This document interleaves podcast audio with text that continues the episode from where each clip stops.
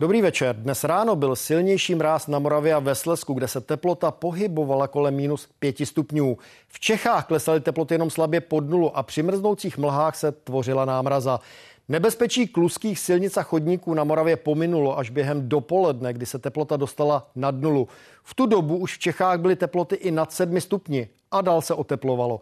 Za teplou frontou už proudí na naše území teplý vzduch od jeho západu. Nejteplejším místem dnešního odpoledne se stala jeho česká Křemže s teplotou 12,2 stupně Celzia.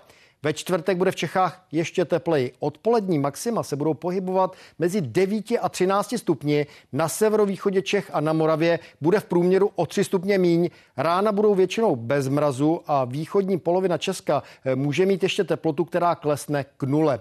V každém z následujících dnů spadne alespoň pár kapek deště. Čtvrtek bude místy s občasným deštěm nebo mrholením. V pátek se přehánky objeví na západě Čech až večer. V sobotu dorazí občasný dešť a přehánky od severozápadu a místy bude pršet i v neděli.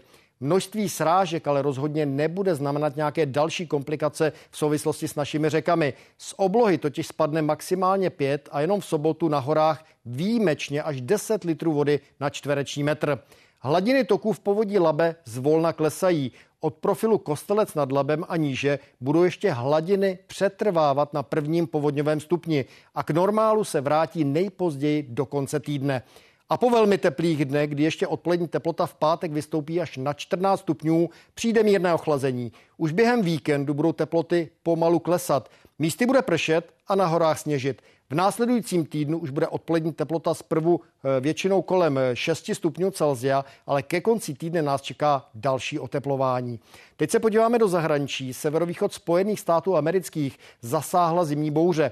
Vydatný déšť se během několika hodin změnil v husté sněžení, které například v New Yorku výrazně snížilo dohlednost a zkomplikovalo provoz na dálnicích i ve veřejné dopravě, včetně trajektů a linek metra. Bouře způsobila i výpadky elektřiny pro víc než 150 tisíc domácností a podniků.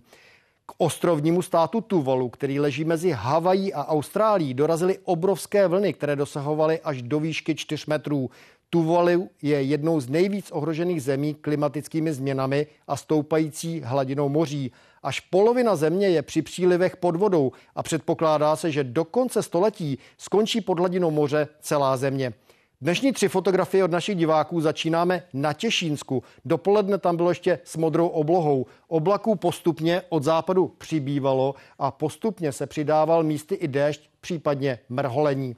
Snímek z Družice už ukazuje příčinu zvětšené oblačnosti a taky deště. Jedná se o teplou frontu, která zatím leží z větší části nad západní Evropou, ale tato oblačnost se v průběhu noci bude přesouvat přes naše území dál k severovýchodu, takže hlavně v Čechách a taky na západě Moravy bude občas pršet.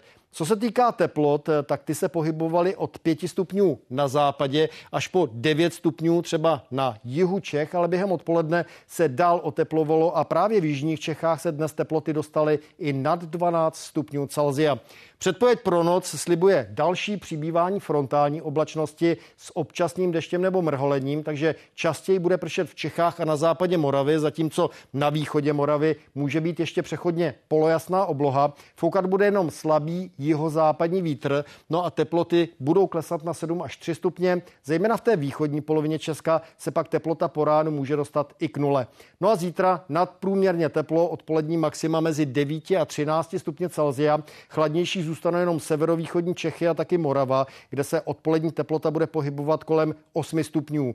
Eh, převládat bude zprvu zataženo až oblačno, místy se bude vyskytovat jak občasný déšť, tak mrholení. Během dne by ale deště mělo postupně od západu až západu ubývat a částečně bude docházet i k protrhávání oblačnosti. I zítra bude foukat slabý, postupně přechodně mírný jihozápadní vítr. Biometeorologická zátěž bude na stupní číslo jedna.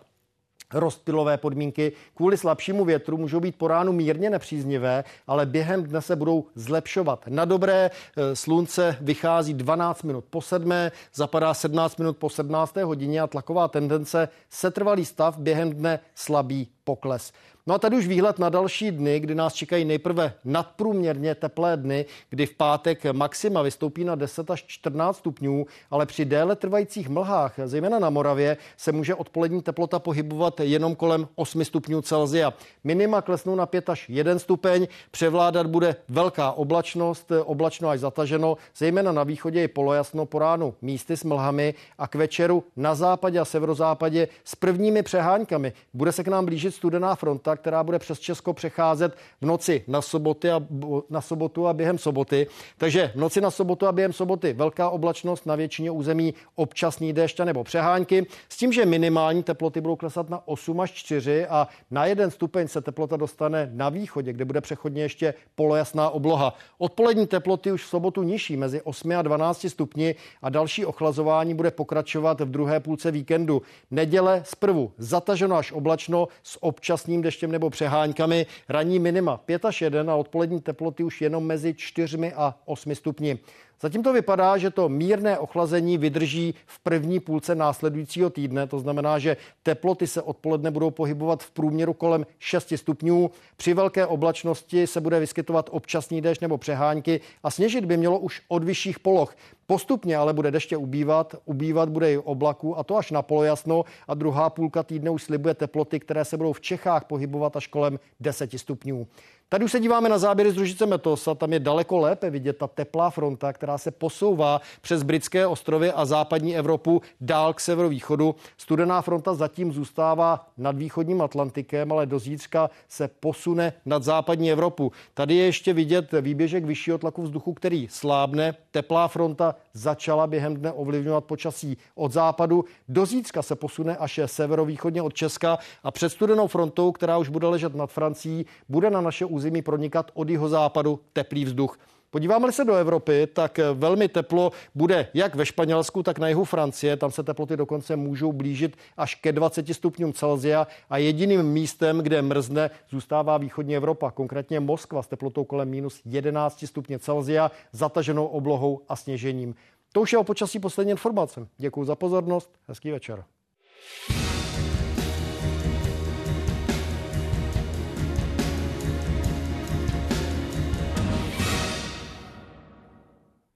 Další kapitola v kauze Čapí hnízdo, další zprošťující verdikt. Téma dnešní devadesátky pořadu, ve kterém se můžete ptát i vy. Přeji pěkný večer.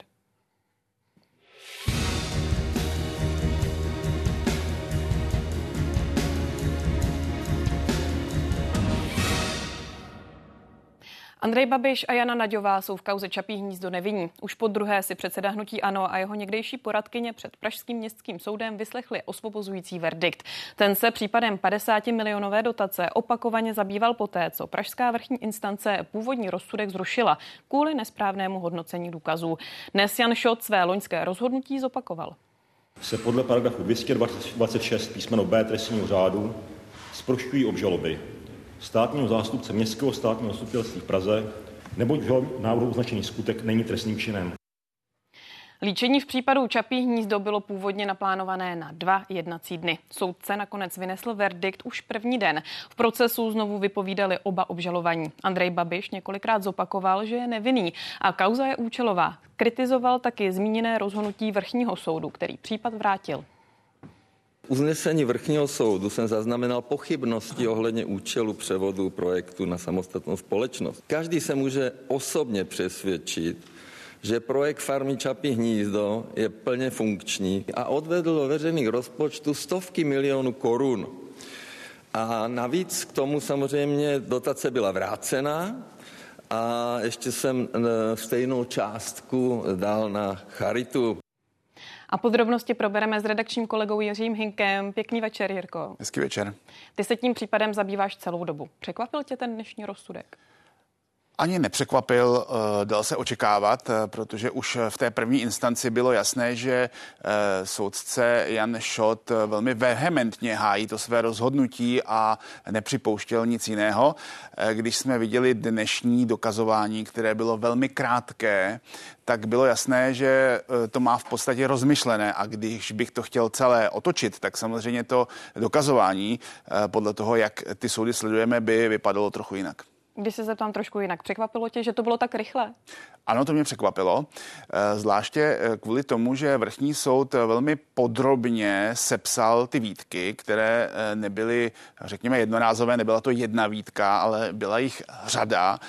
Vrchní soud v podstatě zaúkoloval soud nižší instance k různým jiným úvahám, výslechu svědků, tak ti svědci vyslechnuti byli, ale hodnocení například znaleckých posudků a tak dále.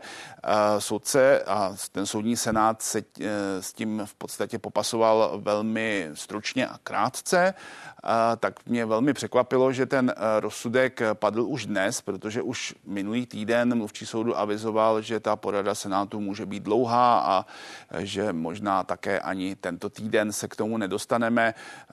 Málo kdy se stává, že u tak složitých případů se během jednoho dne rozhodne. Bylo to někdy v 16 hodin odpoledne, to už většinou soud končí, ale přišel rozsudek. Oba ty verdikty, tedy osvobozující, je v tom zdůvodnění e, mezi nimi nějaký patrný rozdíl? Není zásadní rozdíl. Ty e, základní teze vlastně soudce Jan Šot e, sdělil už loni.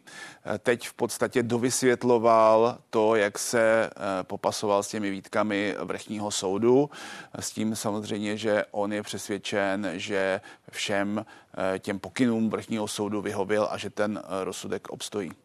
Ty už si to zmínil, dnes nový svědek, zároveň také znovu Andrej Babiš, znovu Jana Naďová. Dozvěděli jsme se dnes něco nového? Tak ani ne. Eh, v podstatě všichni trvají na tom, co řekli eh, v tom eh, prvoinstančním řízení v loni. Odkazovali taky na, té, na ty své výpovědi, odmítali, že by šlo o dotační podvod. V podstatě i ti svědci, kteří přišli, dovysvětlovali něco, co už bylo na stole. U svědka Hálka, tak tam šlo o to, to je soudní znalec z oboru ekonomiky, že on v, té, v tom minulém líčení nemohl nemohl, soud nepřipustil některé otázky na něj, nicméně vrchní soud řekl, že by se mělo, eh, měli zabývat eh, soud i eh, těmi otázkami, které neodpověděl. Ty otázky se týkaly například reklamy na Čapím hnízdě, tak dnes to celé vysvětloval, nicméně nebylo to nic převratného, co by, řekněme, nějak otočilo tu kauzu na ruby. Ostatně my se na to, jak to dnes probíhalo, můžeme podívat. Andrej Babiš u soudu zhruba po roce od prvního zprošťujícího rozsudku. Pražský vrchní soud nařídil doplnit dokazování. S čím dneska jdete k soudu? Další kolo. No, to se dozvíte v mé výpovědi k soudu. Čili budete vypovídat? Ano. Babišovi advokáti přicházejí optimisticky naladěni a jsou přesvědčeni, že soud dopadne stejně jako v loni v lednu. Věřím, že pořád eh, ta situace je stejná akorát se bude doplňovat dokazování. Sám soudce Jan Šot v úvodu jednání zopakoval jeden z důvodů, proč vrchní soud kauzu jeho senátu vrátil. Odvolací soud nám vytkl nesprávné hodnocení důkazů, zejména to, že jsme část důkazů e, neprovedli. Následně se o slovo hlásí oba obžalovaní, kteří chtějí vypovídat. Podle mého názoru se vrchní soud vůbec nevěnoval tomu skutku, pro který na mě byla podána účelová a nepravdivá obžaloba. Stejně tak jako celou dobu, co celá tato kauza začala, se cítím být nevinná ze spáchání trestného činu. Soud poté vyslýchal trojici svědků, kromě manažera firmy, která byla předchůdkyní Čapího hnízda, také znalce z oboru ekonomika Vítězslava Hálka. Ten mimo jiné uvedl, že bez Agrofertu by farma Čapí hnízdo nemohla sama ekonomicky fungovat a šlo by jen o prázdnou skořápku. Jeho vystoupení Babiš odmítl. Nechápu, jak tenhle člověk, který tady dělá podivné posudky 30 let, a, a v podstatě že tady přijde sem, dělá to divadlo a je absolutně mimo. Takže je jasné, že to byl posudek eh, někomu na míru. Pan obžalovaný je v procesním eh, postavení takovém, že může povídat, co chce. Přípustná je evidentní lež. I o znalcovu výpověď opřel žalobce svoji tezi o tom, že šlo o dotační podvod a že vyčlenění farmy z Agrofertu bylo účelové. Samostatný podnik, jak si eh, formálně možná byl, ale byl závislý a nevykazoval znaky toho malého středního podniku. Šaroch navrhl Babišovi i Naďové znovu podmíněné tresty. Trestné činy, kdybyste je pojmenoval, pro jaké si myslíte, že by měly být odsouzeni? No, jednak je to zločin dotačního podvodu a jednak zločin poškozování finančních zájmů Evropské unie.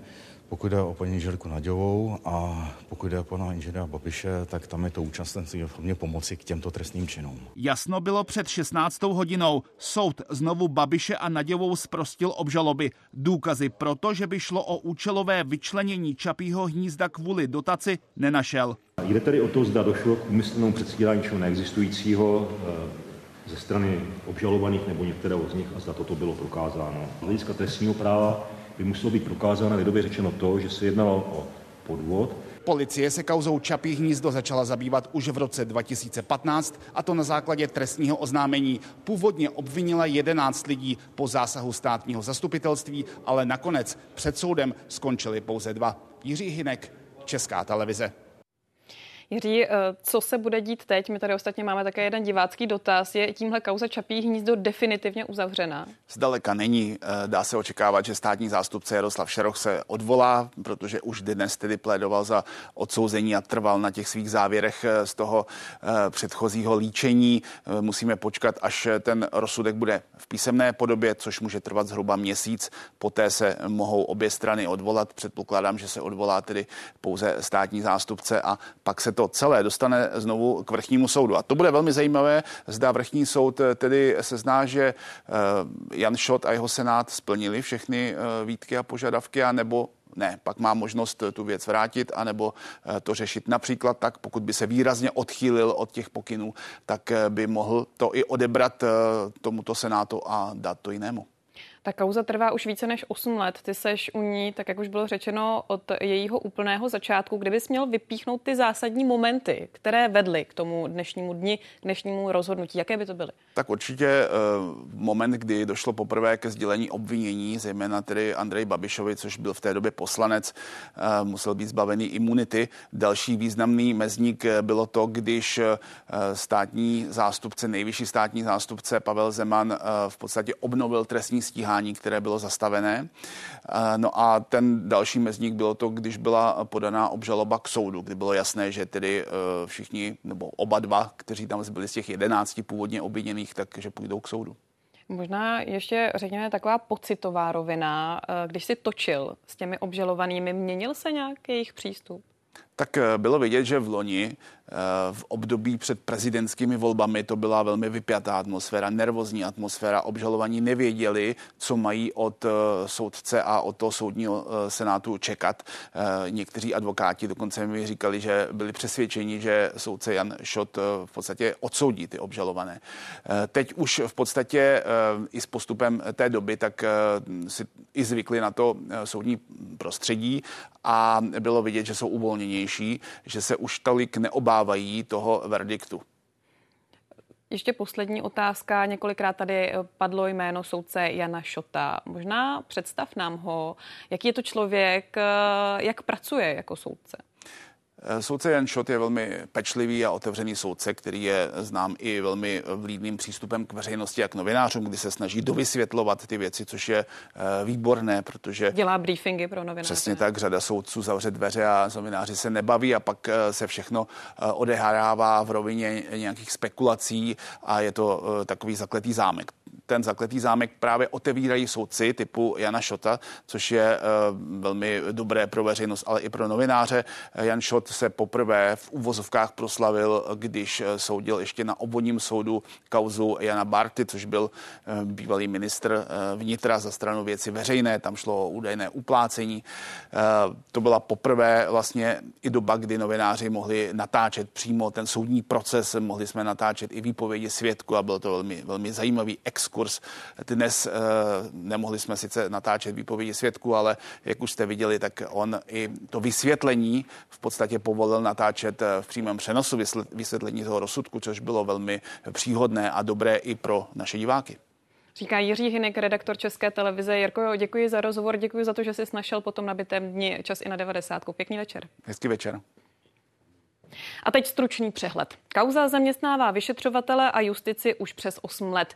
Jedna z někdejších firm Andreje Babiše se změnila na podnik s anonymními akciemi a z něj vznikla společnost Farma Čapí hnízdo. V srpnu 2008 získala 50 milionovou dotaci na stavbu areálu. A to z programu, který podporoval malé a střední podniky. Pod Agrofert se farma vrátila v roce 2013. To, jestli převody nebyly účelové, začala policie zjišťovat na konci roku 2015. Andreje Babiše poprvé vyslechla v červnu 2018. V téže době firma dotaci vrátila. Následoval návrh na obžalobu. Politik vinu, jak zaznělo, celou dobu odmítá. Žalobce Šaroch nejdřív stíhání zastavil. Po zásahu nejvyššího státního zástupce se případ ale vrátil. Andrej Babiš a Jana Naďová byli obžalováni předloni 21. března. V září toho roku se pak Městský soud v Praze začal případem zabývat. Po čtyřech měsících vydal osvobozující verdikt. Loni v září vrchní soud toto rozhodnutí zrušil. Proto se nižší instance dnes kauzou zabývala znovu. No a my přidáme další, tentokrát právní pohled. Už vítám naše další hosty, kterými je advokát Jiří Kučera a také viceprezident Unie obhájců a člen představenstva České advokátní komory Lukáš Trojan. Pánové, pěkný večer. Pěkný večer. Dobrý večer. Překvapilo vás to dnešní rozhodnutí, pane Trojane? Přímě jako trestního právníka musím říct, že nikoliv. Samozřejmě nikdy nemůžete předvídat dopředu, jak ten případ dopadne, ale jako profesionál můžete odhadovat na základě určitých indicí a byť neznám detailně odůvodnění vrchního soudu, pouze v tom smyslu, v jakém bylo publikováno ty závěry veřejně, tak se dalo předpokládat, že pokud nedojde k nějakému významnému důkaznímu zvratu, tedy svědci, znalci, kteří byli předvoláni, nepřinesou nějaké nové skutečnosti, které by měly významný vliv na ten skutek, dalo se očekávat, že výsledek bude stejný. Pane Kučero, jste na tom stejně? Jsem na tom stejně. Já jsem předpokládal, že eh, soudce Šot zůstane na svém původním stanovisku a to proto, protože nepředvolal eh, svědka Bareše, svého klíčového svědka, o kterém vrchní soud říkal, my mu věříme, ale on vám tam vypovídá po každé trochu něco jiného. Měl byste odstranit rozpory v jeho výpovědi, ale soudce ho nepozval. Tím je jasné, že prostě ty, že ty rozpory pro něj nebyly ergo zůstal, zůstal na svých pozicích. Myslíte si, že to byla chyba, že tuto konkrétní výtku vrchního soudu soudce Šot nevyslyšel a nepředvolal znovu toho klíčového svědka, tak jak o něm on také hovořil? Eh, nevím, jestli to byla chyba. V každém případě si musíme počkat na písemné vyhotovení rozsudku, aby jsme viděli, jak přesně tam pojednal vlastně tu jeho výpověď. On to v tom ústním odůvodnění vysvětlil, protože říkal, no sice eh, tam má několik částí své výpovědi, ale opakovaně nám tam sděluje, že rozhodnutí o eh, vyčlenění společnosti z holdingu předcházelo rozhodnutí o dotaci. A že dokonce eh, pan Babiš jednou panu Barešovi řekl, ať schání kupce na ten projekt. Z čehož vyplývá, že prostě ta, to vyčlenění nebylo motivováno ziskem dotace. Pane Trojane, myslíte si, že toto bude, pokud se to opět dostane k vrchnímu soudu, budeme předpokládat, že se někdo odvolá, předpokládáme, že tedy státní zástupce Šaroch, může být toto opomenutí určité výtky vrchního soudu uh, problém? Že se to opět zase vrátí? To lze v tuto chvíli těžko hodnotit, ale odpovím tu otázku. Eh, já jsem nevnímal z toho, jak odůvodňoval dneska eh, své rozhodnutí pan doktor Šot, že by vrchní soud, a tady souhlasím s kolegou, spochybnil věrohodnost výpovědi eh, svědka. Ale v případě, že tam bude shledávat nějaké rozpory a bude to, řekněme, jediné kritérium, který by, které by teoreticky pro odvolací soud mohlo znamenat eh, změnu jeho názoru, posouzení té věci, tak eh, v takovém případě může ten důkaz provést i vrchní soud sám. To znamená, může se ho dovyslechnout. Nemyslím si, že toto samo o sobě by bylo důvodem zrušení a opětovné vrácení. Tento jediný, jediný důvod. Když eh, jsme na začátku mluvili o překvapení, eh, je překvapující ta rychlost, protože jsme eh, slyšeli před malou chvílí Jiřího Hinka, že ho to překvapilo, že i minulý týden podle toho, jak vystupovali zástupci městského soudu, že se skutečně očekávalo, že to budou ty dva dny. Mně jde o to, jestli se to děje často. Mm-hmm. Já jsem zaznamenal toto podívení již v průběhu informování ze strany médií v průběhu celého dne a já musím říct, že to není vůbec překvapivé. Takže je to podívení lajků. Eh, je to podívení lajků do určité míry. Eh, to hlavní líče, líčení bylo nařízeno na dva dny, což se děje poměrně standardně, protože eh, soud neví, jak budou obsáhlé ty výpovědi ať už znalců nebo svědků. On si musí učinit nějakou rezervu.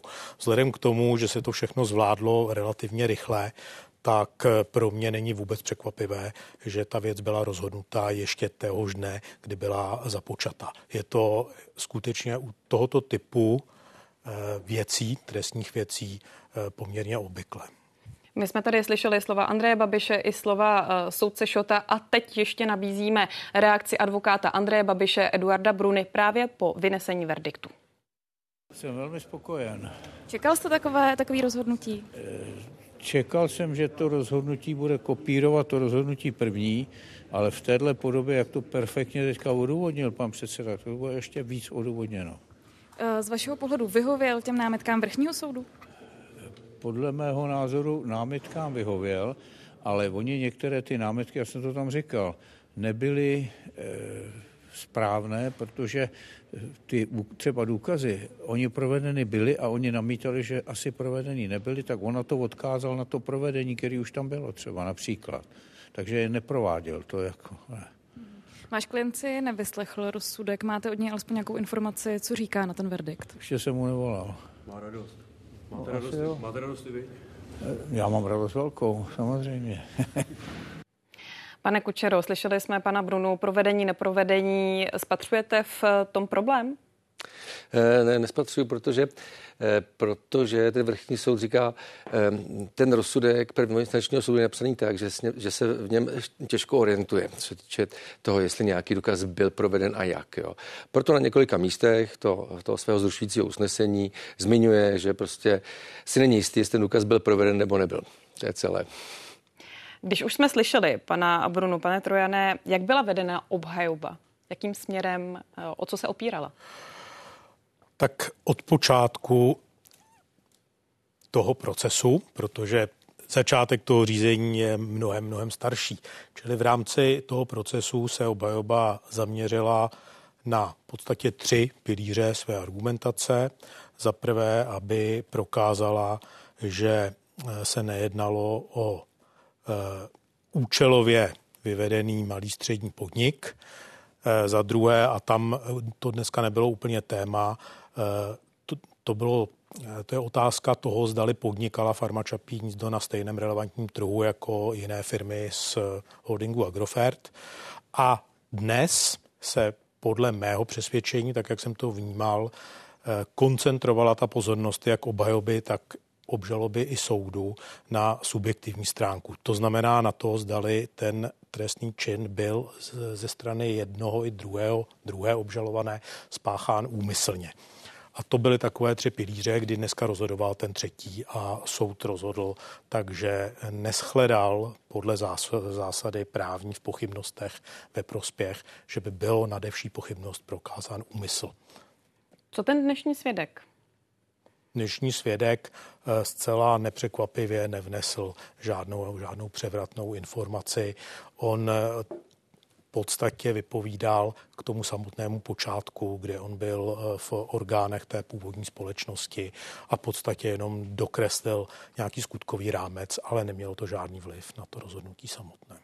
Pane Kučero, já bych u těch svědků ještě chvíli zůstala. My jsme tady už zmínili eh, pana Bareše. Možná pojďme si říct, proč je právě jeho výpověď tak klíčová, proč ji zmiňuje soudce Šot, protože přece jenom eh, ta kauza je poměrně spletitá, v médiích se o tom hovoří často, často se hovoří o svědcích, znalcích, eh, různých lidech, kteří u soudu vystupovali. Pojďme si ale schrnout, co Jan Bareš řekl a proč to bylo důležité. Rozumím. Ta kauza má v podstatě dvě větve. Ta první větev je vyvedení toho eh, eh, ZZN Pelhřimov, to myslím jmenovalo, mm-hmm. potom později Farma Čapí hnízdo z Agrofertu, z holdingu Agrofert a jestli to bylo uděláno za účelem aby eh, to vypadalo, že to, je, eh, že to je malý a střední nezávislý podnik, aby mohl získat dotaci. A ta druhá větev je, eh, je podání nepravdivých údajů o tom podniku dotačnímu úřadu, to znamená, to znamená ten trestný čin dotačního podvodu, ergo později poškozování zájmu, finančních zájmů Evropské unie. Eh, soudce Bareš, teda, pardon, svědek Bareš byl naprosto klíčový pro, z pohledu soudce Šota eh, pro tu první větev. Eh, proto, aby se soud mohl přesvědčit o tom, jestli, jestli ti obžalovaní, respektive pan Babiš, ten tam zbyl z té první větve jako jediný, tu společnost vyvedli eh, z toho Agrofertu, eh, z holdingu Agrofert za účelem získání té dotace. A svědek Bareš eh, před tím rokem ve své poměrně autentické a plynulé výpovědi, kdy rozhodně neměl důvod panu Babišovi pomáhat, řekl v jedné své části té výpovědi, že bylo zřejmé, že to rozhodnutí eh, o vyčlenění eh, té společnosti z holdingu Agrofert padlo před tím, než se rozhodlo o tom, že se bude žádat o dotaci, za prvé. Za druhé říkal, že dcera pana Babiše, paní Bobeková, eh, tam měla zájem, eh, myslím, že chovat koně, eh, že paní Monika Babišová tam měla zájem o, o práci interiérové designérky a tak dále a tak dále. To znamená, že on přesvědčil soudce svojí výpovědí, že ti, že ti členové rodiny skutečně počítali s tím, že to bude, že to bude vlastně podnik, na kterém se budou nějakým způsobem nějakým způsobem podílet. Jo. Rozhodně nejvíce mediálně viditelným svědkem byl ale Andrej Babiš mladší. Eh, to bylo hodně pokrýváno, bylo to hodně debatováno i o tom, jak to mají média pokrývat, to vypátrání eh, syna Andreje Babiše. Mě by zajímalo, jak jeho výpověď byla důležitá v rámci eh, toho procesu. Nakonec se ukázalo, že pro uh, soudce Šota nebyla moc důležitá uh, pro ten samotný skutkový stav o tom, jak vlastně probíhalo to vyčlenění uh, společnosti z holdingu Agrofert a jak moc vážně byl myšlen ten převod akcí. Obžaloba, obžaloba v podstatě říkala, že ty, ti členové rodiny byli takový bílí koně, na které on to převedl aby, aby to ztratilo spojitost eh, s holdingem Agrofert a pak se to vzal zpátky, když dostal tu dotaci. No a e, to se podle soudce Šota nepotvrdilo právě. Takže e, nakonec, jestli Andrej Babiš e, mladší e, skutečně ty akcie obdržel, nějakou smlouvu podepsal, soudce Šot nepovažoval za důležité, protože i kdyby jeho, nevím, 10% nebo 15% eh, nakonec převedeno nebylo, tak eh, u většiny těch akcí byla, byl ten převod potvrzen prostě a eh, ti lidé se jako akcionáři chovali.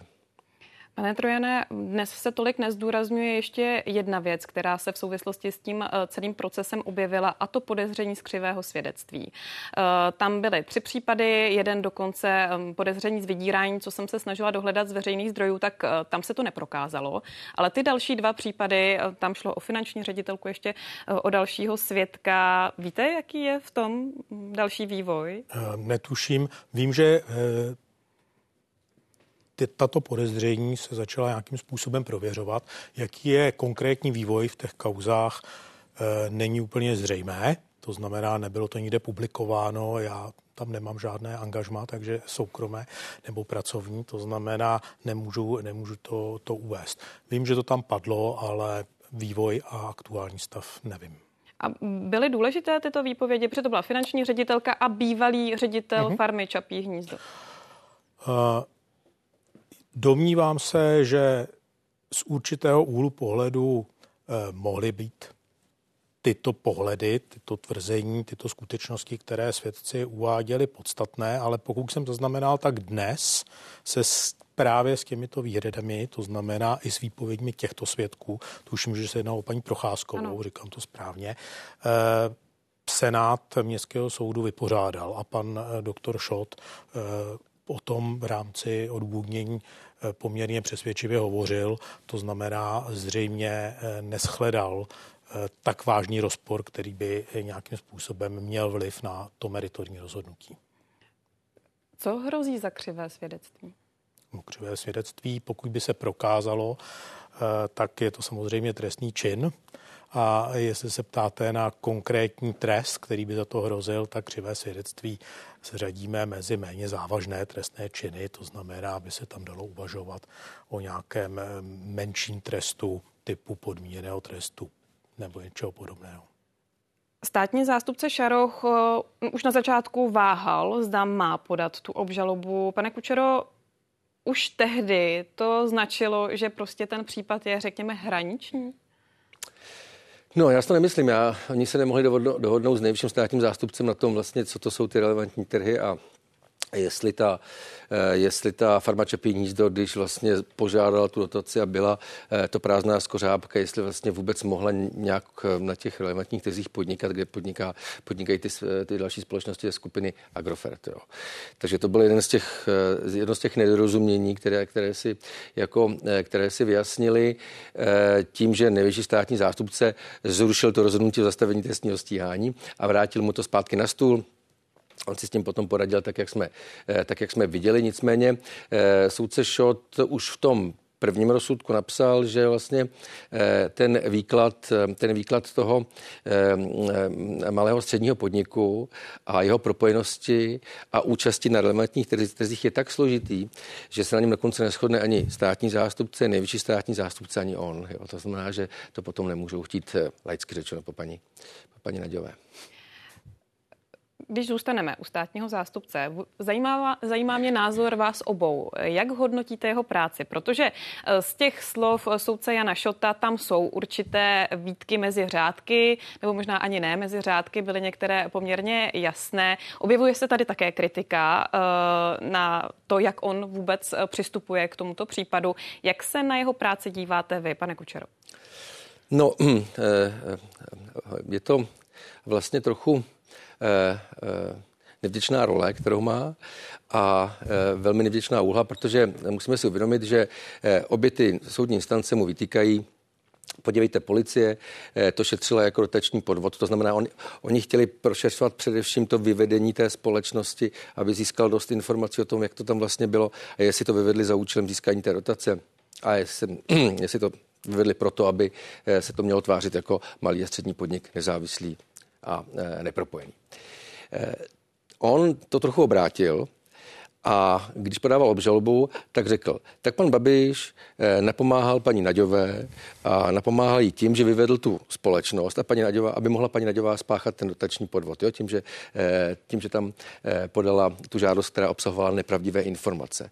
No jo, jenom, že tam nejdřív musíte prokázat úmysl, to, to znamená trestní odpovědnost paní Naďové, aby vůbec ten pomocník mohl být odpovědný. Takže tím to velmi zkomplikoval a de facto přesunul to těžiště toho, eh, toho případu na dokazování a prokazování úmyslu paní Naďové, jestli tedy mohla vědět, co jsou to relevantní trhy a ty vedlejší trhy, jestli tam podnikají. Jo. To znamená, jestli teda skutečně splňují tu, eh, splňují tu, tu podmínku pro vznik nároku na tu dotaci, jako nebo kvalifikaci pro tu dotaci. Takže musíme si uvědomit, že v případě toho Eh, eh, vyšetřování eh, a prokazování účelového vyvedení farmy Čapí hnízdo z holdingu Agrofert. Měl mimořádně těžkou práci, protože čerpal jenom z veřejných zdrojů. To znamená, to, to jsou zápisy v, v obchodním rejstříku o zasedání valných hromad, pak teda z výpovědí svědků a z nějaké smluvní dokumentace, která jsem dostal do ruky. Ale neměl tam žádné jako insight informace, on neměl žádný, žádné odposlechy, kdyby ti obžalovaní řekli tak a teď to vyvedeme proto, aby eh, jsme získali dotaci a tak dále. Prostě, takže měl to těžké. Měl to těžké, pane tréne. Pan kolega popsal naprosto pregnantně situaci pana státního zástupce, pana doktora Šarocha. Jediné, co snad zbývá dodat, je, že pan doktor Šaroch byl státním zástupcem, které, který to nebo v prvopočátku to trestní řízení zastavil. A byl to teprve nejvyšší státní zástupce, který do toho tehdy procesu, Pavel tehdy Pavel Zeman, který do toho procesu e, zasáhl. A právě on učinil ten spin právní, o, kterým, o kterém hovořil e, pan kolega. To znamená, e, panu státnímu zástupci Šarochovi nezbývalo nic jiného, než tuto právní linii držet drží do posud a eh, jsem přesvědčen, že veřejnost i z toho, co říkal pan kolega, eh, dobře vnímá, že ta kauza se tím stala z hlediska právní kvalifikace právního hodnocení především jako extrémně komplikovanou a, a důkazně obtížnou. Přesně tak. Pane Kučerovi, jste chtěl něco podotknout? No, chtěl jsem dodat to, že že uh, oni mu vytýkali v tom, uh, v tom uh, zrušícím usnesení, že místo toho, aby vyšetřovali uh, to vyvedení a jako jasný podvod, tak, uh, tak se tam omezily na akademické debaty o tom, co to je relevantní podnik. Jo. A uh, tím, že to de facto jako pohřbili. Ale uh, jako, uh, vím, že veřejnost na něj reagovala různě, je velmi kriticky. Na druhou stranu třeba při tom dnešním jednání, jak jsem měl možnost to zaznamenat, působil jako, kdyby ho polili živou vodou, byl velmi aktivní na rozdíl od toho, od toho procesu před rokem, takže prostě myslím si, že to odvolání nakonec podá. Pánové, poslední otázku. otázka na závěr uh, našeho rozhovoru. Bude se psát další kapitola kauzy Čapí hnízdo u vrchního soudu? Pane Trojane? Psát se nepochybně bude, nebo nepochybně, podle mého přesvědčení nepochybně. Eh, pan státní zástupce je v tuto chvíli v pozici, kdy by si asi velmi těžko obhájil to, že odvolání nepodá. Jakým způsobem bude dopsaná, o tom můžeme spekulovat, ale já bych chtěl dodat, že jakýkoliv výsledek, jakýkoliv výsledek této kauzy v tuto chvíli už nebude dostatečně přesvědčivý a z hlediska vnímání tohoto procesu eh, bude mít vždycky otevřený konec.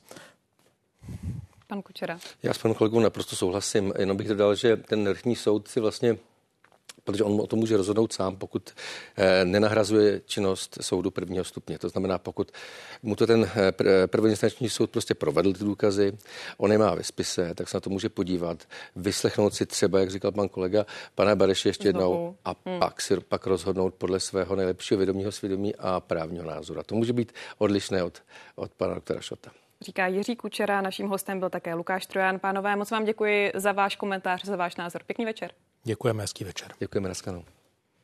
A na dnešní rozhodnutí soudu ohledně předsedy hnutí ANO samozřejmě reagovaly také ostatní politické strany. Tady jsou jejich slova. Rozsudek soudu respektuji, říkám to opakovaně a platí to i nyní. A opakovaně také říkám, Andreje Babiše musíme porážet ve volbách, což se nám daří. Je to důležité i nadále, protože on a jeho lidé si nebezpečně zahrávají s bezpečností a důvěryhodností České republiky. O tom není žádný pochyb. Já bych řekl, že náš komentář rozsudku je lakonický, my ten rozsudek respektujeme. Kdybych k tomu měl něco dodat, tak bych dodal, že bych doporučoval kolegům z hnutí ANO, aby se tak chovali také k rozsudkům ostatních soudů a nespochybňovali je, protože ve chvíli, kdy budou spochybňovat rozhodnutí uh, soudní soustavy v těch případech, kdy jim to není pomysly, tak samozřejmě nabourávají ty základní principy parlamentní demokracie v České republice a to je určitě špatně. Víte, já dlouhodobě rozsudky soudů nekomentuju, ať už se týkají kohokoliv. Druhá věc je, jakým způsobem se k tomu vyjadřoval Andrej Babiš sám o to v průběhu toho soudního procesu. A v okamžiku, když on vykřikoval do světa, že se jedná o politický proces a stejným způsobem dneska mluvil i uh, Karel Havlíček jako místo předseda hnutí Ano, tak to já považuji za velmi nebezpečné a hned vám řeknu proč. Česká republika je právní stát, což znamená, že v České republice ctíme právo a platí tady zákon. A jestliže kdokoliv, a zvlášť bývalý premiér, vykřikuje, že jsou v České republice politické procesy, v tom případě nechť doloží důkazy, anebo se omluví. Protože spochybňovat právní stát je útok na samou podstatu demokracie České republiky. Je to samozřejmě rozsudek, který respektujeme. Není to věc, která by pro nás byla jako pro TOP 09 nebo pro mě osobně e, nějak jako zraňující, nebo tak mám dlouhodobou důvěru v české soudy. Padni komu padni. E, dokonce si myslím, že takovéto obvinování soudu z určité politické podjatosti, jak se to dneska objevilo a tuším, že pan soudce Šot to taky zmínila, odmítl, je velmi jako škodlivé, jo? Že, to, že to podkopává důvěru v české soudy a obecně v naší justiční soustavu. Takže ten rozsudek samozřejmě respektujeme, máme důvěru v české soudy a uvidíme, jak se bude ta kauza dál vyvíjet. Pokud se nepletu, pan státní zástupce Šarok zvažuje ještě odvolání, musí si rozsudek prostudovat a ještě se nevyjádřil. Znovu se ukázalo, že řeči pana Babiše o politickém procesu byly jen lži, za které by se měl veřejně omluvit. Rozhodnutí Městského soudu v Praze samozřejmě zcela respektuji. To ale nic nemění na tom, že byl pan Andrej Babiš během svého působení ve vládě po celou dobu ve střetu zájmů. Respektuji rozsudek nezávislého soudu. To je jediná možná věc, kterou k této, k této události mohu říct. Nicméně eh, po té politické rovině, aby ta kauza nenabila nějaké politické akce, eh, aby nebyla politizována, tak si myslím, že by měla co nejdříve skončit. Samozřejmě rozdíl je, jestli, jestli bude Andrej Babiš shledán vinným, anebo bude osvobozen. A pokud bude osvobozen, tak si myslím, že to samozřejmě bude pro něho politicky eh, velká výhra. Mě to nepřekvapilo v podstatě říkám to, co jsem říkal před rokem, to, co jsem říkal před eh, několika lety a jakkoliv člověk může mít pocit, že eh, je eh, zaujatý, tak já jsem tu dobu prožil, hájil jsem mnoho let malé a střední podniky, vím, co je definice malého a středního podniku, oceňoval jsem tyto podniky, nakupovali jsme, prodávali jsme je a byl jsem přesvědčen, že to nemůže dopadnout jinak. Mám ten pocit, že možná mnozí podlehli někdy mediálnímu, trufám se tvrdit někdy i linči a měli dopředu jasno a jsem rád, že eh, teď to dopadlo tak, jak jsme předpokládali. A my v tématu pokračujeme. Ve studiu už je tady se mnou komentátor hospodářských novin Petr Honzejk. Přeji pěkný večer. Hezký večer. A na dálku také zdravím Lukáše Jelínka, politického analytika a Jiřího Pehého, politologa z New York University in Prague. Pánové, i vám pěkný večer. Pěkný večer. Pěkný večer. Pane Honzejku, já se tady dnes eh, všech svých hostů ptám, jestli byli překvapeni, ale já to trošku otočím. Neměli bychom být nepřekvapeni. A tady je totiž dotaz od jedné divačky, eh, Táně, která píše, ono se to dalo asi čekat. Přece soudce, který jednou nějak rozhodl, nepopřel své původní rozhodnutí. Když Babiš tvrdí, že se ničeho nedopustil, proč vracel dotaci? To bych neudělala. To jsou dvě věci. Mhm. Jedna věc, neměli jsme to tedy spíše očekávat? No samozřejmě, že jsme to mohli očekávat. Já jsem to očekával. Vy jste a... nebyl překvapen? Vůbec ne, vůbec ne. Pánové, pane Jelínku, co vy?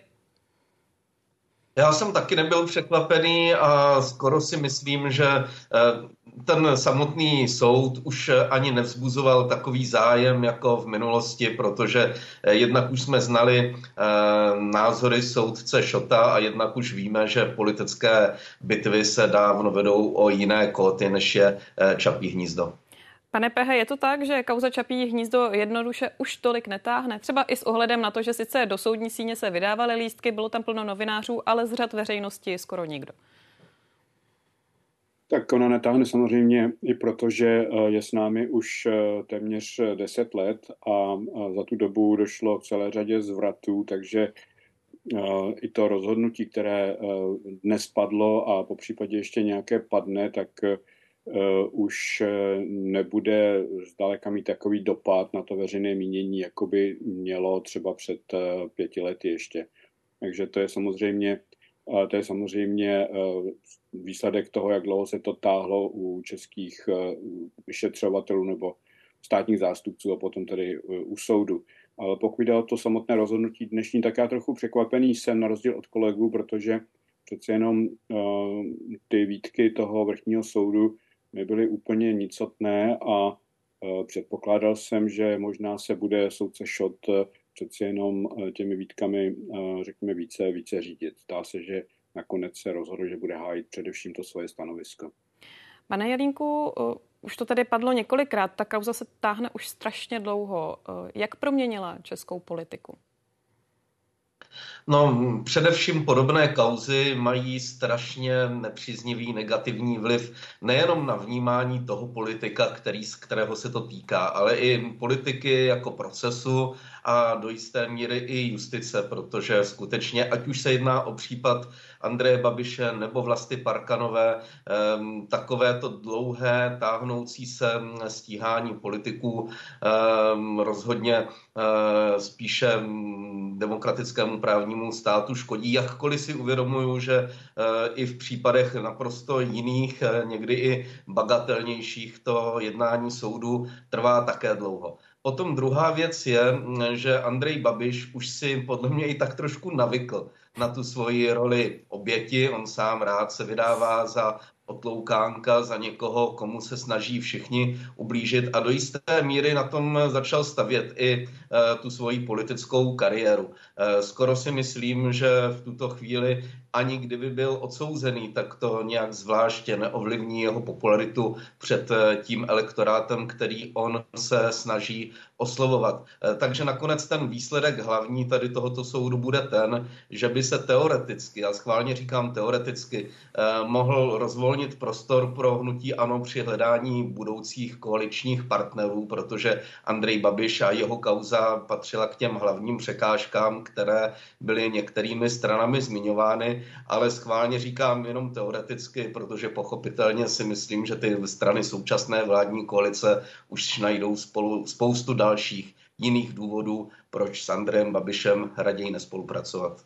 Petře Honzejku, eh, Vychází Andrej Babišovi eh, ten důraz a ta hra na otloukánka, když budu eh, teď citovat pana Jelínka, sbírá mu to politické body?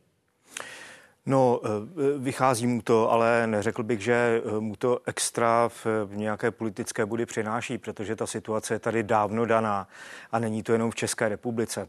My vidíme ve spoustě západních společností um, tak hluboký rozštěp, že Eh, jakákoliv událost je eh, tou jednou nebo druhou částí společnosti zarámovaná vlastně ve svůj prospěch. Takže hypoteticky Andrej Babiš by byl eh, odsouzen, křičel by, já jsem chudák, politický proces, Andrej Babiš odsouzen není, říká hurá, hurá, já jsem nevinný. A ti jeho voliči samozřejmě na oboje budou, budou slyšet.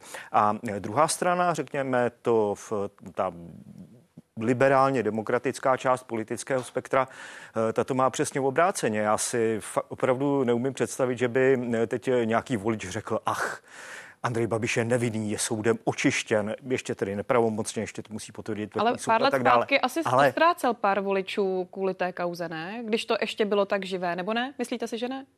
Eh, já si myslím, že ne. On Andrej Babiš eh, velice, myslím, případně už v tu dobu trousil, že eh, by mohl zabít babičku na Václaváku a jeho voliči by mu to odpustili. Opravdu je to, je to, je to naprosto tam není důležité, co se děje, ale jak je to zarámováno. A e, že by tady šlo o nějakou kauzu v Čapí hnízdo v současné době. Vůbec si to nemyslím, protože e, politici vládní koalice a voliči vládní koalice budou říkat, dobře, ale byly tady nějaké nepřímé důkazy, i soudce Šod říkal, že tam byly nepřímé důkazy, pouze to nestačilo k odsouzení. Soudce... A tam zůstává. A samozřejmě zůstává tam, eh, zůstává tam ta pachuť. No a v, budou pokračovat dál, budou říkat, že to není jediná kauza Andreje Babiše, má problémy s eh, francouzskou eh, finanční zprávou kvůli problematickému nákupu v domu ve Francii. Eh, je tady dále problém s reklamou eh, zadávanou v, v německou chemičkou Andreje Babiše Čapímu hnízdu, přestože vůbec nebyl důvod, aby tam byla v, nějaká reklama, protože ji nikdo nemohl vidět a tak dále a tak dále. Takže vůbec si nemyslím, že to, jak se v kauze Čapí eh, hnízdo rozhodlo, bude mít jakýkoliv vliv na volické preference. Vy jste eh, ze začátku citoval Andreje Babiše s tím, že on mluví o tom politickém procesu. Já hmm. tam navážu, protože při vynesení verdiktu už Andrej Babiš u soudu nebyl. České televizi ale potom napsal, že z rozhodnutí má radost. Konkrétnější být nechtěl. Závěrečné řeči dnes odpoledne zopakoval, že kauza podle něj právě souvisí s politikou. Jsem stokrát říkal, že jsem nevinen, znovu to říkám, v žádném případě jsem se nedopustil trestných činů, jak jsou popsány v účelové a uměle vykonstruované obžalobě, a které jsou mi kladeny za vinu. A poslední věta, kdybych nešel do politiky, tak tady nejsme. To je přece evidentní. Pane Pehe, kdybych nešel do politiky, tak tady nejsem. Myslíte si, že na tom je kus pravdy? No, to by se dalo obrátit. Prostě bychom se mohli zeptat, proč Andrej Babiš tedy do politiky šel, když, když věděl, že určitě má celou řadu kaus nebo řekněme kostlivců ve skříni, které proti němu v případě, že se odsne pod drobnohledem médií, mohou být, mohou být využity. Čili chci říct, že kdokoliv jde do politiky, tak se automaticky podrobuje jakému si řekněme, ostřejšímu zkoumání. To je, zcela, to je zcela logické. Politici prostě jsou, um, uh, jsou zkoumání médií a veřejností a uh, stěžovat si na to, že uh, jsem tedy něco provedl, možná to tedy nebyl trestný čin, ale kdyby, kdybych nebyl v politice, tak by se to vůbec neřešilo. To se mi zdá být takové trošičku od Andreje Babiše um, pokrytecké. Možná pojďme se podívat i na vývoj, protože my jsme slyšeli to dnešní vyjádření. Eh, když se ale podíváme na to, tak ta kauza provázela Andreje Babiše po většinu jeho politické kariéry. Sněmovna ho k trestnímu stíhání vydala hned třikrát. Nejprve případ označoval právě za organizovaný komplot nebo politický proces. Po prvním osvobozujícím verdiktu už mluvil o právním státu a spravedlivé justici.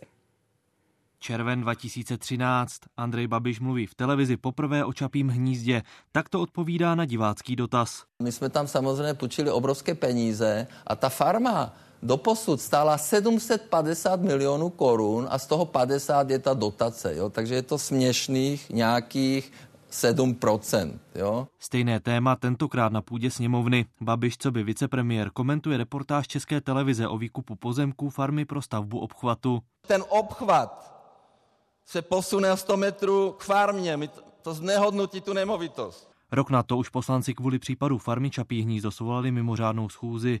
Na ní Babiš svou roli v kauze vysvětloval. Dotace byla přidělena podle platných pravidel. Nespáchal jsem žádný dotační podvod. Proč jsem nechtěl říci jména akcionářů? No, protože jsem nechtěl ohrozit moje děti. Svoji rodinu, to je to nejcennější, co mám. Na konci volebního období policie požádala sněmovnu o jeho vydání k trestnímu stíhání. Jsou to všechno absurdní výmysly policie s cílem jenom ovlivnit ty příští volby. Ty hnutí ano vyhrálo a Andrej Babiš se stal premiérem. O jeho vydání tak musela sněmovna hlasovat znovu. Žádný podvod jsem nespáchal, nic jsem neudělal, nic jsem neukradl, nebyla žádná korupce a je to čistě politická kauza. Stejně mluvil i poté, co vyšetřovatel Pavel Nevtípil vyhodnotil kauzu tak, že by měl Andrej Babiš jít před soud. Je to spolitizované a, a od samého začátku to beru jako organizovaný komplot. Před začátkem soudu ve svých vyjádřeních ještě přitvrdil. Je to první politický proces od revoluce, vážení. Po loňském zprošťujícím verdiktu právě tato svá vyjádření mírnil. Je pravda, že jsem se jednou eh, špatně vyjádřil a že jsem mluvil v nějakém, nějaký situaci, v nějaké emoci o procesu, eh, za to se omlouvám. Na slovech o politickém trestním stíhání ale dál trval. Vítězslav Komenda, Česká televize. Pane Honzejku, komplot, politický proces, řekl někdy Andrej Babiš, kdo zatím má stát, podle něj? No samozřejmě, že neřekl, protože proto nemá žádné důkazy. To jsou čistě politické výroky, eh, které ho mají posadit do, do pozice toho ubohého eh, zachránce národa, kterého se snaží ten, jak on říká, velice oblíbeně polistopadový kartel všem, eh, všem možně prostě ustrkovat a, a ubližovat mu a tak dále. Mě tam na tom velice baví tedy několik věcí. Za prvé, když Andrej Babiš dnes řekl, já jsem vyhrál, máme tady nezávislé nezávislou justici, tak eh, to tedy chce říct, kdyby prohrál, což také bylo možné, protože těch důkazů tam opravdu byla celá řada, to bychom najednou tu nezávislou justici neměli.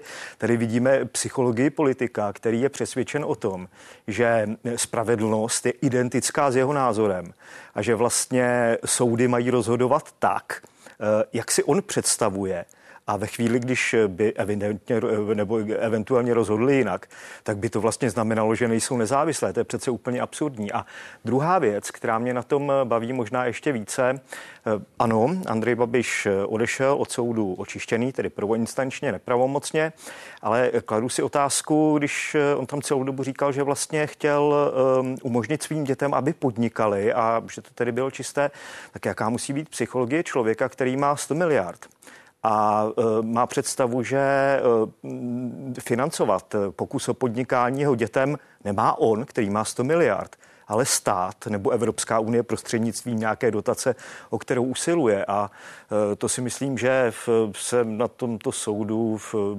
hezky vlastně tyhle záležitosti a ty souvislosti jeho uvažování odkryly. Pane Jelínku, já bych se vrátila k těm politickým vyjádřením na adresu soudu, protože teď jsme to viděli koncentrovaně v jedné reportáži, všechna ta vyjádření teď Andreje Babiše. Když uh, si ale vzpomeneme teď na leden na projednávání ústavního soudu ohledně valorizace penzí, tak i poté uh, třeba právě, když zůstanu u Andreje Babiše, zaznívala slova o tom, že už i ústavní soud je pod vlivem koalice, že koalice má sněmovnu, má senát, má hrad a teď má už i ústavní soud. Uh, samozřejmě Samozřejmě, že jsou to politická prohlášení, ale říká to politik, který stojí v čele strany. Již by teď volilo 35% lidí. Jaký vliv, co se týče důvěry v českou justici, to může mít? No samozřejmě, že velmi špatný, i když já bych možná odlišil tu kritiku e, ústavního soudu, která prostě zaznívá celkem obvykle od politiků, když u něj neuspějí právě proto, že ústavní soud už projednává ty kauzy, které jsou e, skutečně při nejmenším na hraně politiky, ale v okamžiku, kdy politik dokáže spochybňovat i orgány činné v trestním řízení jako takové, tak to už eh, podle mě problém je. A já sice rozumím tomu, že eh, u soudu se každý obžalovaný může hájit tak, jak se mu zlíbí a rozumím tomu, že mm, v tom politickém prostředí jsou ta pravidla ještě mnohem volnější a my už dneska od Andreje Babiše i dalších politiků hnutí ano slýcháme tu mantru, že jenom eh, hlupák nemění své názory, to znamená, že můžou měnit své názory, můžou měnit svá vyjádření a my se tomu nemáme vůbec co divit ale v okamžiku, kdy dojde skutečně na ty otázky související s právním státem, tak tam bych eh, skutečně přivítal od politiků mnohem mm, větší zdrženlivost, protože když někdo naznačí, že může být eh, koupené nebo zmanipulované trestní řízení, tak někdo jiný může říct, že může být zmanipulovaný nebo koupený rozsudek, třeba zprošťující. Eh, myslím si, že to je spirála, ze které bychom se hned tak nevymotali a proto mm, bych byl mnohem radši, kdyby raději politici podobné kauzy, byť by se týkaly jich samotných, spíše nekomentovali, než komentovali, protože potom eh, ten volič, který je poslouchá, a zvlášť pokud se jedná o voliče, který má třeba tendenci eh, být eh, sympatizantem nějakých antisystémových protestních hnutí, nemít příliš v úctě ani politické zřízení, ani ústavní zřízení, tak takový volič pochopitelně se může klidně ještě dál zradikalizovat. A měli by politici vždycky domýšlet možné následky svých kroků i výroků. Pane Pehe, nemáte obavu, že tyto výroky mohou právě ve společnosti, v české společnosti, eh, podrýt tu důvěru v eh, justici, nebo si myslíte, že lidé chápou, že jsou to politické výroky? Já myslím, že záleží na tom, um, jak kdo, že samozřejmě um, celá řada lidí to bere prostě tak, že jsou to politické výroky, uh, i když um, celá řada těch výroků Andreje Babiše byla opravdu, tak říkají, přes čáru, protože on spochybňoval uh, už to samotné policejní vyšetřování a utočil na ty policejní vyšetřovatele, pak tedy na státní zástupce. Teď mluvil o politickém procesu. To, je, to je opravdu um, daleko za tím, co by si politik měl dovolit, zvlášť tedy uh, premiér, který uh, v době, kdy byl premiérem, který prostě má značnou moc a může celou řadu věcí ovlivňovat, tak to, to opravdu e, české justici nebo českému právnímu státu nějak neprospělo. No a pak samozřejmě jsou, je celá řada voličů, právě těch voličů zřejmě, kteří patří k nutí ANO nebo do toho tábora prostě nesystémových stran, kteří, kteří to berou jako bernou minci, mají prostě mají prostě pocit, že Andrej Babiš má pravdu, když mluví o tom, že tady justice nefunguje tak, jak by měla, když spochybňuje vyšetřování a to jenom posiluje ve společnosti takovou tu atmosféru náchylnou ke konspiračním teoriím všeho druhu, protože v podstatě, když politik takto bez důkazu obvinuje justici na různých úrovních, tak co jiného než, než určitý druh konspiračního myšlení nebo argumentace to je. Pane Honzejku, eh, když na chvíli opustím Andreje Babiše, protože on není jediným aktérem té kauzy, je tu Jana Naďová. Je to žena jeho někdejší poradkyně, která ale také kandidovala v senátních volbách, dostala se do druhého kola, byť tedy eh, nevyhrála. Teď, jestli se nepletu, taky na pátém místě na kandidátce Hnutí Ano. Myslíte si, že i jí může ta kauza teď pomoci, že bude prostě vidět, máme ty eurovolby za rohem, můžou to v té kampani použít a že se dostane třeba Jana Naďová do Europarlamentu? Já si myslím, že z pátého místa kandidátky zahnutí ano by se dostal do parlamentu i Mickey Mouse. To je úplně jedno, tam ti lidé volí e, stranu, která je zosobněna Andrejem Babišem. A jaké avatary si tam za sebe nasázíte, úplně jedno. Takže já bych tohle vůbec nespojoval. A tím, jak už jsme zmínili na začátku, že vlastně voličům hnutí ano, evidentně nevadí ta kauza, hmm. tak to asi nehraje žádnou roli. No jistě, eh, voliči hnutí ano teď eh, budou šťastní, že budou moci říkat, vidíte, Andrej Babiš od začátku říkal, že nevinen je nevinen, ale z druhé strany, že by hnutí ano následkem toho rozsudku nějací voliči přibyli, tak eh, to z toho důvodu, že je společnost opravdu štípla podobným způsobem jako třeba společnost americká, kde může mít eh, Donald Trump eh, problémy s jakoukoliv justicí, s jakýmkoliv vyšetřováním a ti jeho voliči tomu nebudou přikládat vůbec žádnou důležitost, tak analogické je to v České republice. V tomhle smyslu skutečně je Andrej Babiš typologicky, jak tedy politicky osobnostně, ale i svým elektorátem velice podobný případ eh, jako Donald Trump. Když už jsme u těch voleb, eh, jak to využije hnutí ANO? Protože předpokládám, že to nějakým způsobem v té kampani eh, může využít. My tady máme i dotaz od Milana, může to ovlivnit výsledek, ten výsledek soudu následující volby do poslanecké sněmovny. Hmm. Ty jsou přece jenom trošku daleko, ale máme tady ty eurovolby, máme tady krajské volby, senátní volby. Jak myslíte si, že to uchopí hnutí ANO? Bude toho chtít využít? Bude říkat, podívejte se na našeho předsedu, on odešel od soudu s tím osvobozujícím verdiktem. Hmm. Já myslím, že zhruba tak asi v 18. řadě to budou zmiňovat. Hmm. Eh, to, jakým způsobem eh, hnutí... Tím, že to není téma pro voliče, nebude to ani moc téma Myslím si, že to nebude hmm. téma. Eh, hnutí ano bude pokračovat v tom, co dělá.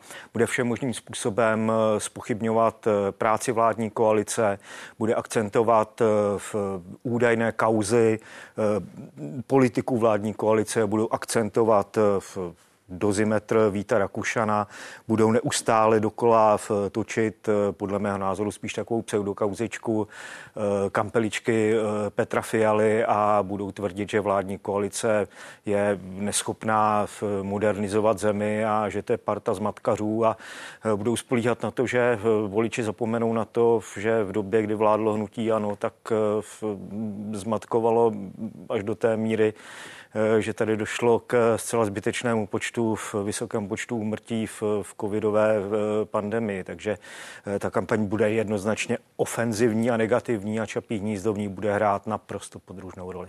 Pane Jelínku, souhlasíte s tím, že kauza Čapí hnízdo nebude hrát příliš významnou roli, protože když to zase postavíme tak, že podívejte se, kauza Čapí hnízdo, osvobozující verdikt, na druhé straně to, co tady zmiňoval pan Honzejk, kauza dozimetr, v podstatě také kauza eh, Kampelička eh, a eh, její a vklad Petra Fialy.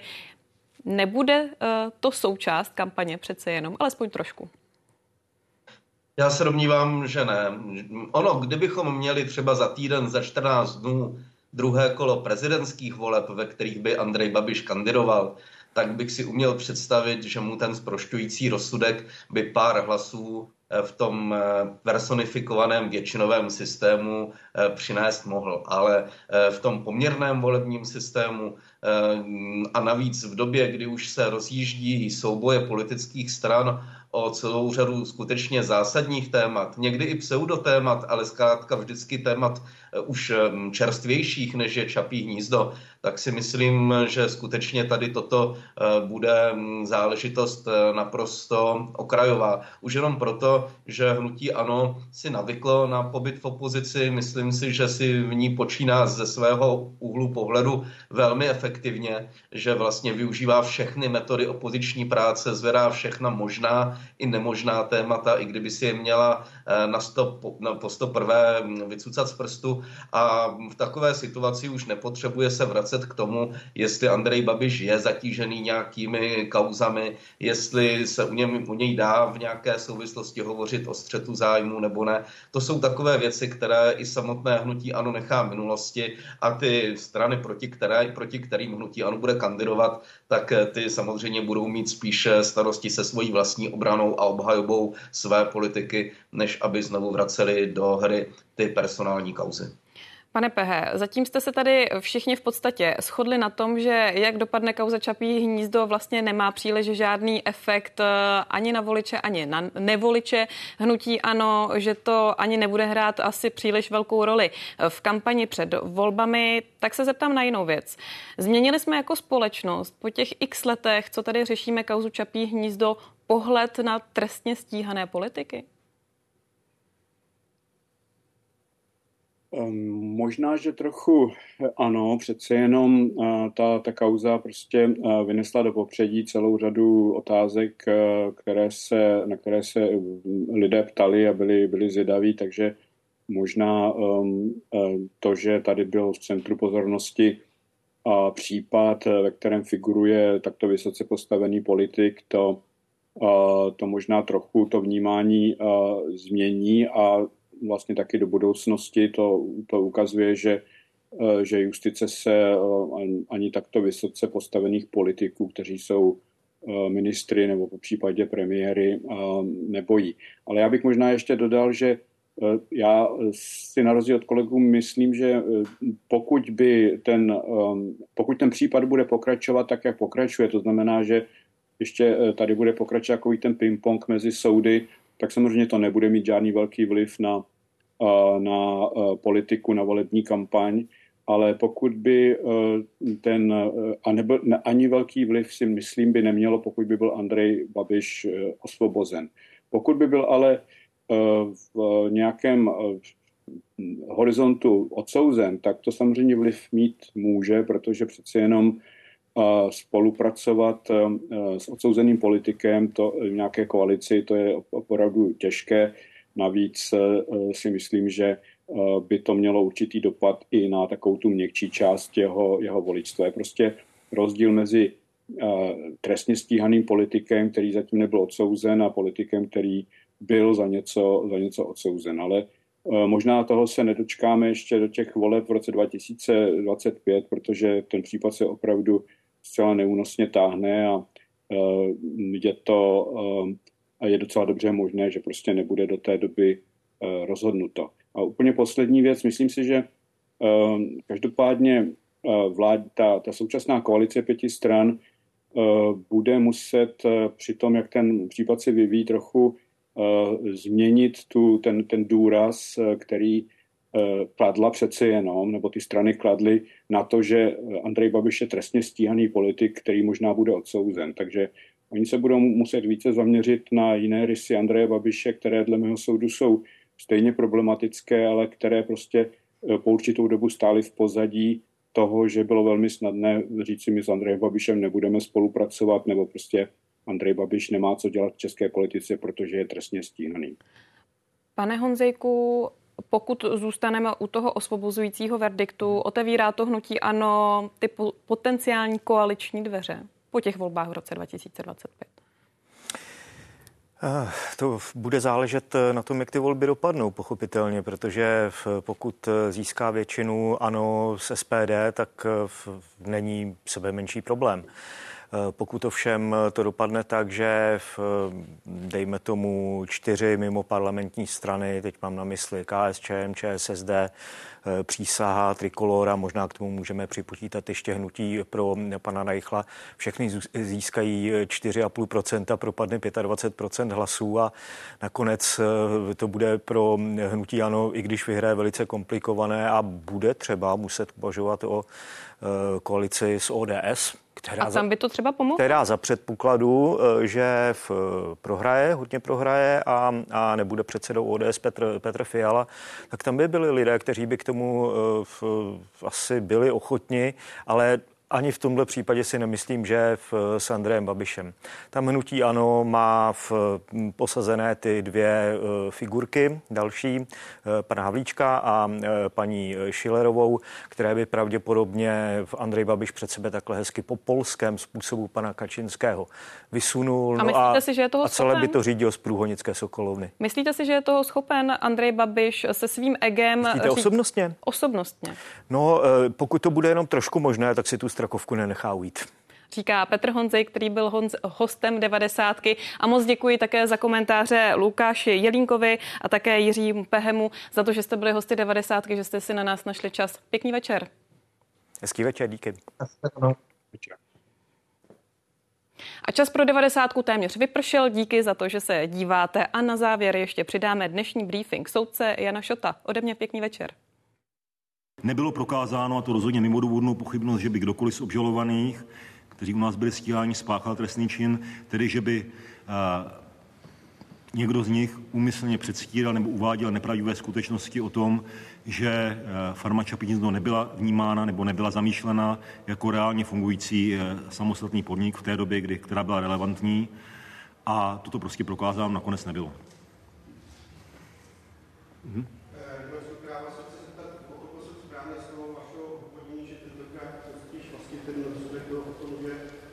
Jsou tam pochybnosti ve prospěch obžalovaných. Jednak bylo dostatečně prokázáno, těch důkazů tam několik bylo proti, ale nebo My jsme to- celý řetězec, Mhm. abyste je mohl odsoudit. My jsme to říkali vlastně už v tom předchozím průběhu. Ten důraz je možná trochu jiný z hlediska těch podnětů odvolacího soudu, ale ten závěr byl stejný už v tom předchozím rozhodnutí.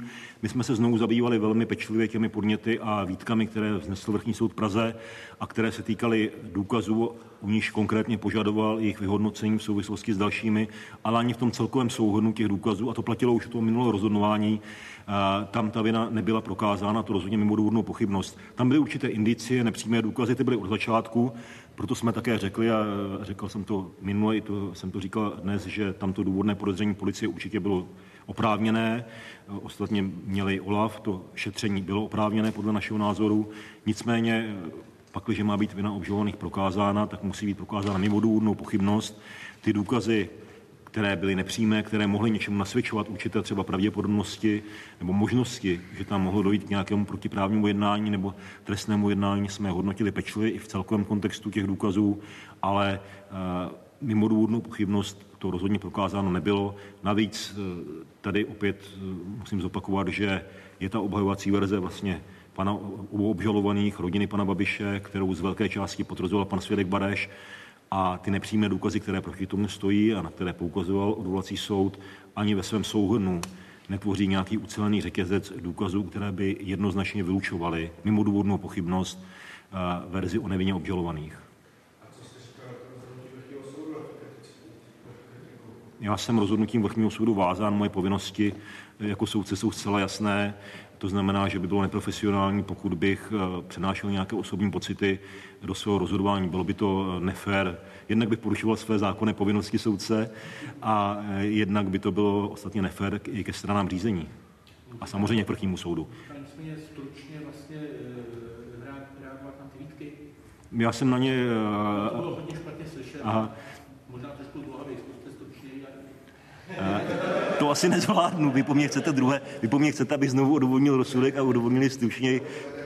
Když se ptáte na něco konkrétního, rád, rád odpovím. Já, já jsem to shrnoval pan- v odpovědi panu Vaculíkovi, to znamená, že eh, ty body, které vrchní soud zdůraznil, nebo u nich nám uložil, abychom se jimi konkrétně jednotlivě zabývali, tak eh, jsme se jim zabývali velice pečlivě, nicméně ani ve svém souhrnu eh, nevedou k- k jednoznačnému závěru o vině obžalovaných.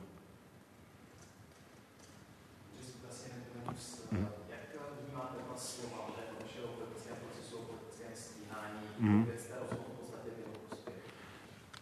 Já jsem už, vnímám stejně jako v tom předchozím průběhu řízení, my s nimi nesouhlasíme. Jasně jsme řekli a opakuju to dnes, že podle nás policie odváděla eh, pečlivou, dobrou práci, státní zástupce zabýval tím případem velmi zodpovědně. Byť jsme s nimi v, právním, v řešení některých poměrně složitých právních otázek nesouhlasili, bylo zjevné, že se tím zabývali velmi zodpovědně. A eh, já, aspoň na základě obsahu toho, co mám k dispozici, což je těch pár stránek spisu, eh, jsem tam žádné politické tlaky nebo nějaké politické záležitosti neviděl.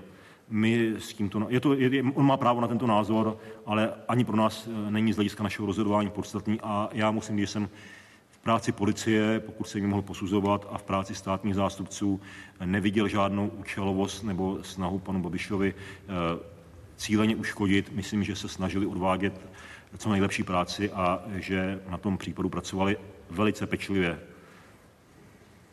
Ano.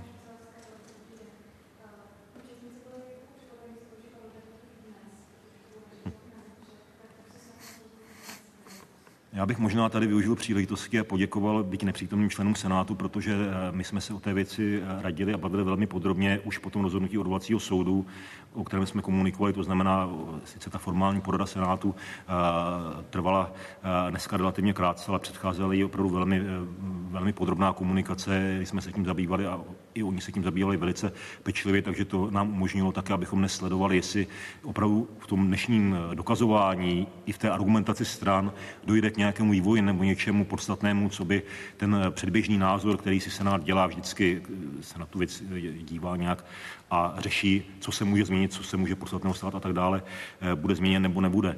To znamená, díky tomu právě, že jsme to řešili poměrně podrobně a strávili jsme nad tím opravdu hodně času, tak jsme dnes po tom obsahu důkazů, které jsme mohli sledovat už, už ráno, dopoledne, takže jsme se o tom mohli bavit i v té polední pauze. A potom, co jsme si mohli vyslechnout ty závěrečné návrhy, které třeba z velké části kopírovaly to, co už bylo učiněno v součástí těch písemných vyjádření, co jsme také měli dispozici, mohli mít tu formální závěrečnou poradu krátkou.